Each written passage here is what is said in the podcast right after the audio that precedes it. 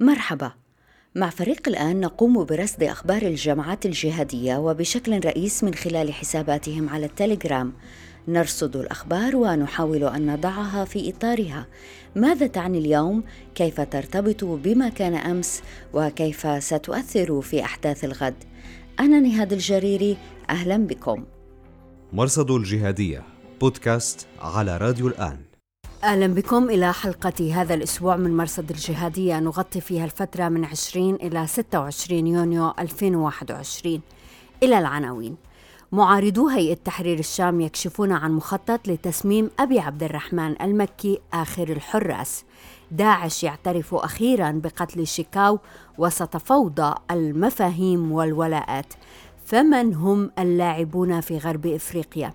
سؤال وأسئلة نطرحها على الدكتور جيكوب زين المحاضر في جامعة جورج تاون في واشنطن المتخصص بالجماعات الإفريقية المسلحة ومؤلف كتاب كشف القناع عن بوكو حرام استكشاف الجهاد العالمي في إفريقيا الصادر في 2020 وبإمكانكم الرجوع إلى نص هذه الحلقة في أخبار الآن dot net. مرصد الجهادية بودكاست على راديو الآن. آخر الحراس. نقل حساب رد عدوان البغاء المعارض أن هيئة تحرير الشام تخطط للتخلص من أبي عبد الرحمن المكي القيادي في حراس الدين وعضو مجلس شورى التنظيم المعتقل منذ أكتوبر الماضي. في مارس الماضي حكم عليه بالسجن خمسة أعوام فيما وصف بالحكم السلطاني أي من دون محاكمة. في التفاصيل أن جزراويين ضغطوا على الجولاني لإخراج المعتقلين وعلى رأسهم المكي فاقترح قياديون في الهيئة تسميم المكي باسم الرايسن قبيل الإفراج عنه وبهذا يكونون قد أردوا الجزراويين وتخلصوا من الرجل الوازن بطريقة نظيفة لا تثير الشكوك والمشاكل. المكي من آخر قيادات الصف الأول من الحراس الباقين بعد تصفية العروري والسوداني. سامي العريدي وأبو همام الشامي غائبان في المقابل حساب أبو محمود الفلسطيني المناصر للهيئة اعتبر هذا الكلام غلوا واتهم رد عدوان البغاة بالعمالة وقلة الدين على أساس أن الكلام عن السم يأتي في إطار شائعات يبثها الروس والنظام السوري بأن الهيئة تخطط لهجوم كيميائي وبالتالي يبررون أي النظام والروس يبررون هجوما كيميائيا وشيكا على المحرر. مرصد الجهادية. جاسوسية الشام. بدأ رد عدوان البغاة نشر أسماء أشخاص قال إنهم جواسيس زرعهم الجهاز الأمني التابع للجولاني في صفوف المهاجرين وهدد بأنه سيكشف أسماء آخرين وصورهم ليحذرهم الجميع.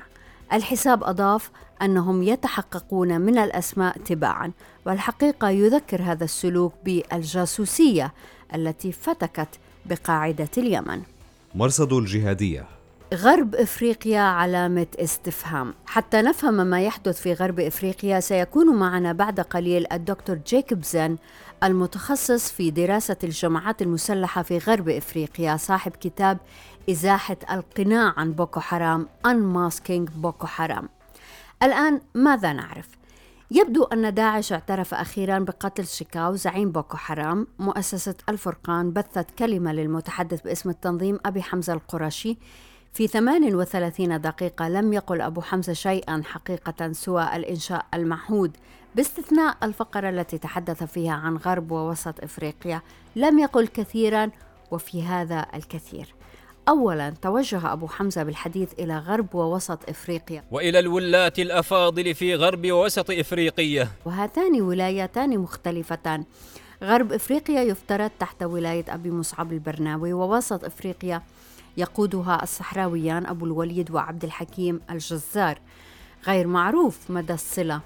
بين المجموعتين. ثانيا. وكما نثني على عملكم المبارك باستئصال ووأد فتنة الخوارج. ونحمد الله الكريم أن وفق من كان سائرا خلفهم بالعودة لجادة الصواب. غير معلوم أي فتنة لكن من الواضح أن الخوارج هم جماعة شيكاغو. أبو حمزة لم يسمي أي اسم أو جماعة أو أي أمير وهذا غريب بالنظر إلى الأنباء التي تواترت في العامين الماضيين عن وقوع خلافات وإعدامات داخل جماعة غرب إفريقيا. وبالنظر إلى التأخر في تأكيد خبر قتل شيكاغو بعد أيام نشر داعش فيديو من ولاية غرب إفريقيا بعنوان الأميرون بالمعروف العودة إلى جماعة المسلمين في غرب إفريقيا. فيه متحدثون مجهولون يتحدثون عن الاجتماع بعد الاختلاف. هذا الاختلاف وقع في العام 2016 أي قبل خمسة أعوام تقريبا.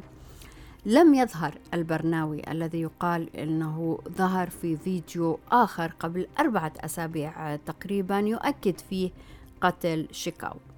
في الأثناء بثت المنصات النيجيرية المزيد من فيديو باكورا الذي يقود الفرع الموالي لشيكاو في بحيرة تشاد. في الحلقة الماضية توفرت لنا دقيقتان دعا فيهما باكورا أتباع شيكاو إلى الثبات وظهرت دقيقة ثالثة هذا الأسبوع يعرض فيها باكورا البيعة لداعش مقابل وساطة يتعرفون فيها على أس الخلاف مع البرناوي.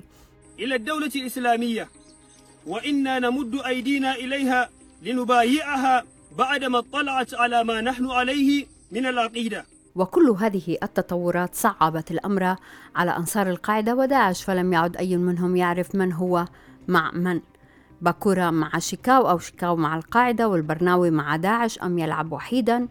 على كل حال إجابات عن كل هذه الأسئلة في مقابلة بعد قليل مع الدكتور جيكوب زن. مرصد الجهادية بودكاست على راديو الآن. انفجرت سيارة بعبوة ناسفة في سلقين شمال غرب إدلب قتل فيها المسؤول المالي في الحزب الإسلامي التركستاني الشيخ جودت. غير مفهوم حقيقة دوافع هذا الاغتيال.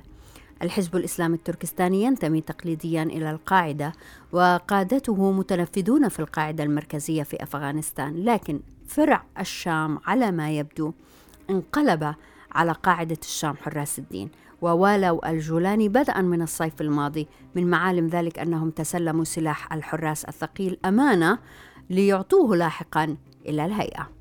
رسالة موجهة إلى شرعيي الهيئة. في موضوع متصل موضوع الولاءات والسلاح نشر مزمجر الثورة السورية صوتية قال إنها جديدة لأبي الخير والد عبد الرحيم عطون الشرع العام لهيئة تحرير الشام. تساءل فيها الشيخ أين ترسانة الأسلحة الثقيلة التي صادرت صادرتموها من بقية الفصائل العميلة؟ على حد زعمكم وتحدث الشيخ أبو الخير عن المتنفذين من خارج الشام في الهيئة مثل أبي ماريا القحطاني. طبعا هو لم يسمي أحدا في هذه الصوتية لكن هذا ما نفهمه من كلامه. كل الذين يقودونكم هم نكرات من جهة وهم من خارج أرضنا وبلدنا من جهة ثانية. نقلت قنوات معارضة أن هيئة تحرير الشام بدأت بإجبار المقاتلين الأجانب على تسجيل أسمائهم بالكامل ومناطق وجودهم مرفقة بصورة شخصية لهم تحت ذريعة الإجراءات الأمنية. المعارضون يعتبرون ذلك بنك معلومات. وهذا مقدمة لبيع هذه البيانات للتحالف. مثلا نقلت الصحفية المتخصصة الدكتورة فيرا ميرونوفا أن مافيا من الأوروبيات تسللن إلى مخيم الهول وأن طاجيكيات وإيغوريات يخفينهن. الأوروبيات ممنوعات من الهول بحسب ميرونوفا التي أضافت أنه خلال الأيام الماضية ضربنا ضربا مبرحا روسيتين ولبنانيتين لأنهن يترددن على مستشفى الأكراد الكافر بين قوسين. مرصد الجهادية. لا يزال تنظيم طالبان يزحف باتجاه كابل. في 23 يونيو نشر التنظيم بيانا حول التحولات الأخيرة في البلد واصفا ما يحدث بالتطهير. حاول البيان طمأنة العرقيات الأخرى في أفغانستان فقال إننا نطمئن جميع المواطنين بأنه لن تتخذ أي خطوة تبغيض أو انتقام أو استعلاء تجاه أي أحد. معارضون تناقلوا فيديو يضرب فيه رجل كبير السن. قالوا إن الضاربين هم طالبان. آخرون معارضون عرضوا صورا من رجم النساء وجلدهن تذكيرا بما كان.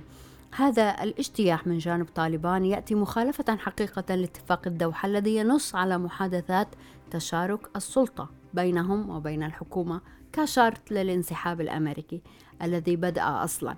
وكأن الاتفاق لم يعد صالحا باستثناء ما يتعلق بالجانب الأمريكي بودكاست على راديو الآن ماذا يحدث في غرب إفريقيا؟ نرحب بالدكتور جيكوب زين المحاضر في جامعة جورج تاون في واشنطن المتخصص بالجماعات الإفريقية المسلحة في غرب إفريقيا ومؤلف كتاب كشف القناع عن بوكو حرام استكشاف الجهاد العالمي في إفريقيا الصادر في 2020. شكرا جزيلا دكتور زين لوجودك معنا. It's a real pleasure. So thanks for having me on. دكتور زين أسماء كثيرة تتردد من المنطقة مصعب البرناوي شيكاو باكورا الصحراوي غرب إفريقيا وسط إفريقيا لو نعود لطفا إلى الأساسيات من يفعل ماذا هناك؟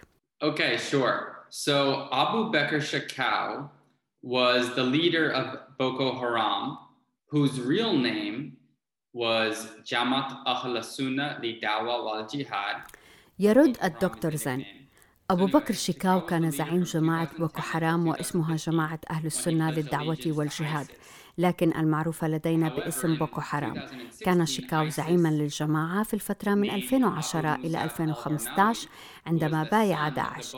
لكن في 2016 سمى داعش أبا مصعب البرناوي ابن مؤسس جماعة بوكو حرام وزعيم الجماعة قبل شيكاو سموه الزعيم الجديد وهو ما رفضه شيكاو متسببا بالفوضى داخل الجماعة ما أدى أخيرا إلى أن يحشد أبو مصعب البرناوي المقاتلين ويزحف بهم على معقل شيكاو لقتله وهو ما تحقق له قبل أسابيع عندما حاصروا شيكاو ففجر نفسه.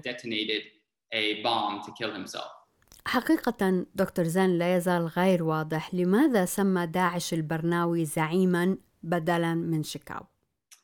So the short explanation for why ISIS named a different leader and that resulted in Shekau's leaving the ISIS faction in Nigeria. يجيب الدكتور زن الإجابة المختصرة هي أن داعش سمى زعيما مختلفا فأدى ذلك إلى أن يترك شيكاو داعش في نيجيريا الذين أصبح اسمهم ولاية غرب إفريقيا. والسبب في ذلك هو أن شيكاو كان قاسيا لا يرحم حتى بالنسبة لجماعة مثل داعش. الإجابة المطولة هي أن شيكاو اعتمد تكتيكات لم يوافق عليها تنظيم داعش بل اعتبرها قاسية مثل أنه أرسل مئات البنات في مهمات انتحارية وهو أمر لا يفعله داعش أو أنه كان يرسل أطفالا في مهام من ذلك النوع مخالفا تعليمات داعش. كان ذلك أسلوبه الذي تميز به. بالإضافة إلى ذلك كان شيكاو يعتقد باستعباد المسيحيين أو المسلمين الذين يرفضون الانضمام للجهاد مع جماعته. كان شيكاو يقول إن المسلم كافر إن رفض الانضمام إليه. داعش استعبدوا الإيزيديات في سوريا والعراق على أساس أنهم ليسوا من أهل الكتاب لكنهم لم يستعبدوا المسيحيين والمسلمين ممن لا ينضمون إليهم. كان شيكاو متعجرفا لدرجة أنه كان مقتنعا بأن علمه وحجته كانت أكبر من داعش كان زعيما عنيدا لم يستطع داعش التعامل معه مقارنة بأبي مصعب البرناوي الأكثر اعتدالا وهدوءا.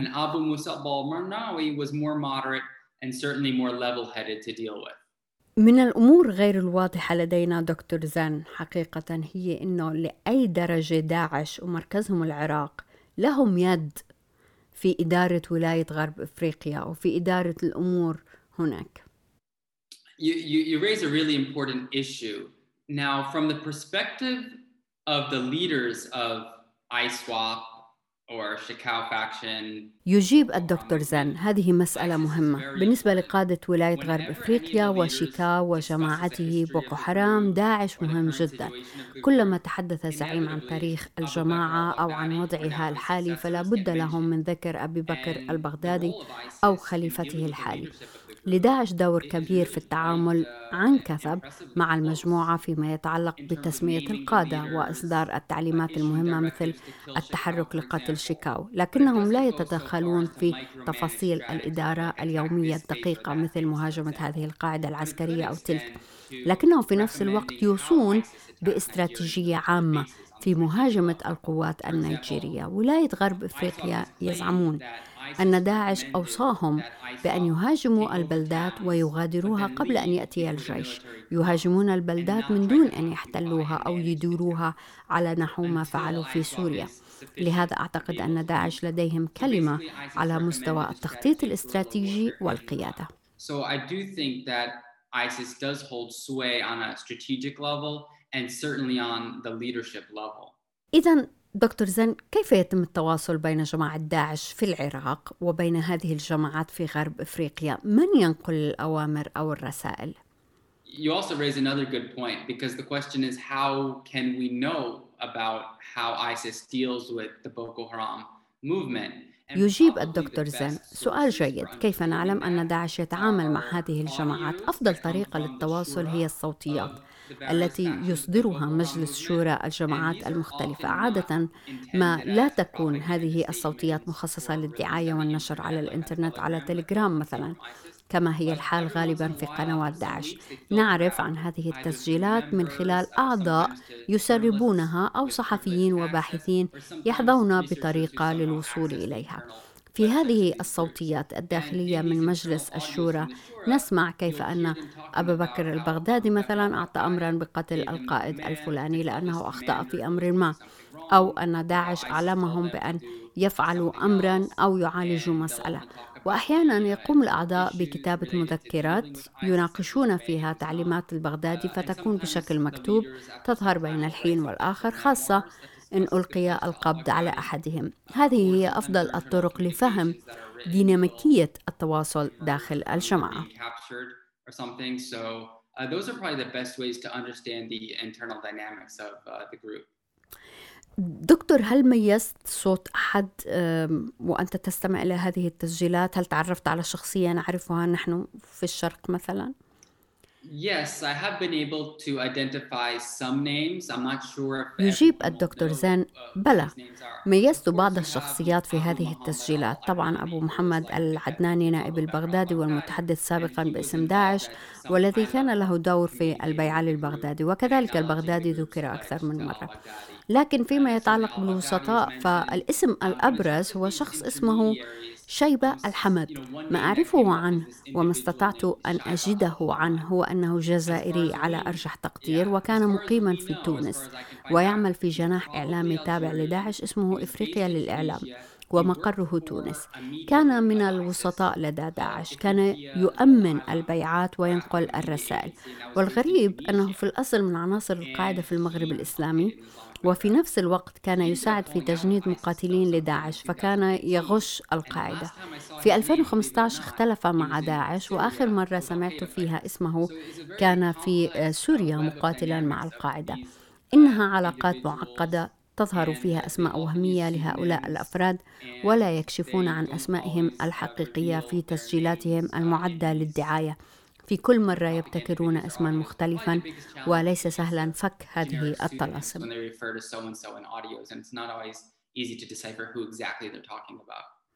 دكتور زين أريد أن أعود بك إلى مسألة الانفصال والخلاف بين داعش و شيكاغو الحقيقة نسمعك ونسمع باحثين آخرين يتحدثون عن داعش في غرب إفريقيا ويهيأ لنا أننا أمام داعش مختلف. عما نعرفه نحن هنا في في سوريا والعراق. كيف أن داعش غرب إفريقيا يعتبر شيكاو رجلا فيه غلو وتطرف ونحن نعلم التطرف والغلو لدى داعش والفظائع التي ارتكبوها. الآن أنت أفردت في كتابك فصلا الحديث عن انفصال شيكاو عن داعش وكيف أنه لم يكن يرغب في أن يسيطر عليه البغدادي حقيقة. وكان يسعى لنوع من الاستقلالية. في نفس الوقت في التسجيل الصوتي المنسوب لشيكاو قبل موته يتحدث عن خلافات على المال بينه وبين خصومه. هل ممكن الإضاءة على هذا الجانب من الخلاف؟ جانب السلطة وجانب المال؟ Yeah, so the money issue was slightly different than the issue around pledging to al-Baghdadi. يجيب الدكتور زن.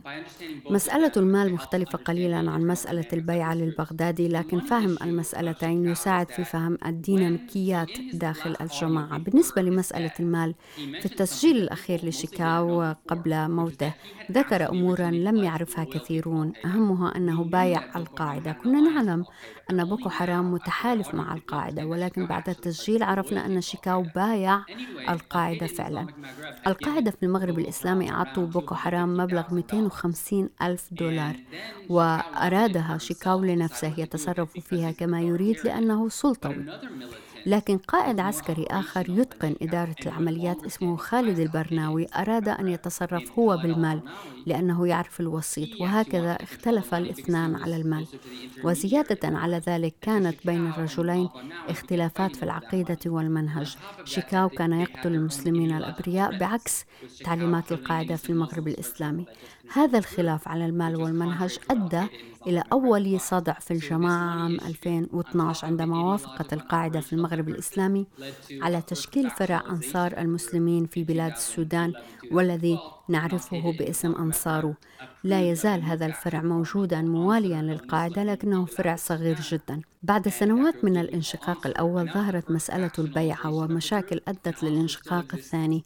في 2015 عندما بايع شيكاو داعش كان يخشى أن يحكم البغداد السيطرة عليه ويسحب منه النفوذ. فاضطر إلى الإصغاء إلى مؤيدي البغدادي لأنه كان يخشى منافسيه في الجماعة الذين استغلوا ذلك الوقت في طرح أسئلة في العقيدة والمنهج على جماعة البغدادي وكان البغدادي يحكم لصالح المنافسين المعتدلين بالنظر إلى قسوة شيكاو في بعض الأمور. أعتقد أن شيكاو كان خائفا من أن يطيح به جماعته في انقلاب داخلي. وكان محقا وهذا ما حدث في 2016 عندما قررت قيادة داعش إزاحة شيكاو وحكم العدناني بأن إرسال شيكاو انتحاريين وانتحاريات تحت سن 13 سنة لم يكن لائقا. وكان لابد من الإطاحة به. شيكاو شكى أيضا من أن منافسيه كانوا يمنعون رسائله من الوصول إلى البغدادي وكانوا يعترضون رسائل البغدادي إليه. كان مقتنعا أنهم يخدعون البغدادي ويخدعونه وهذه هي التجاذبات التي أحاطت بالبيع.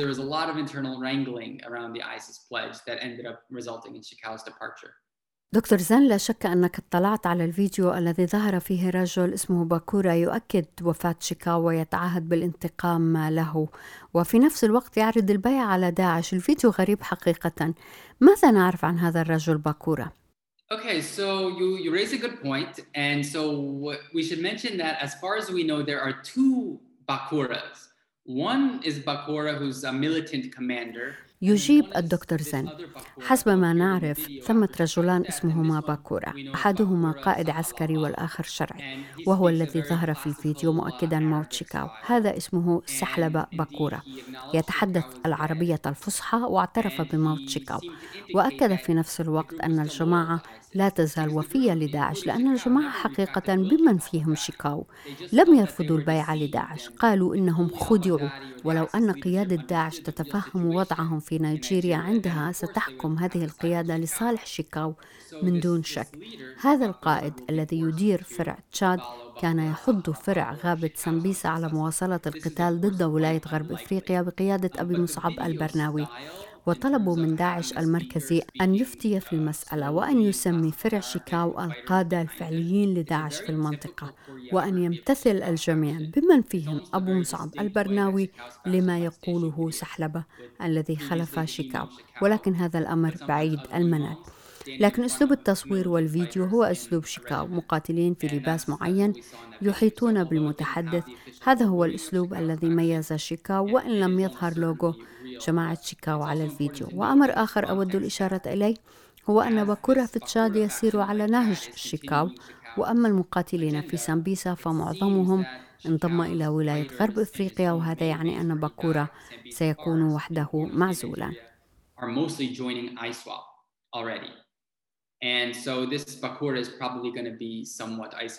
كيف يمكن أن نميز بين الرجلين دكتور؟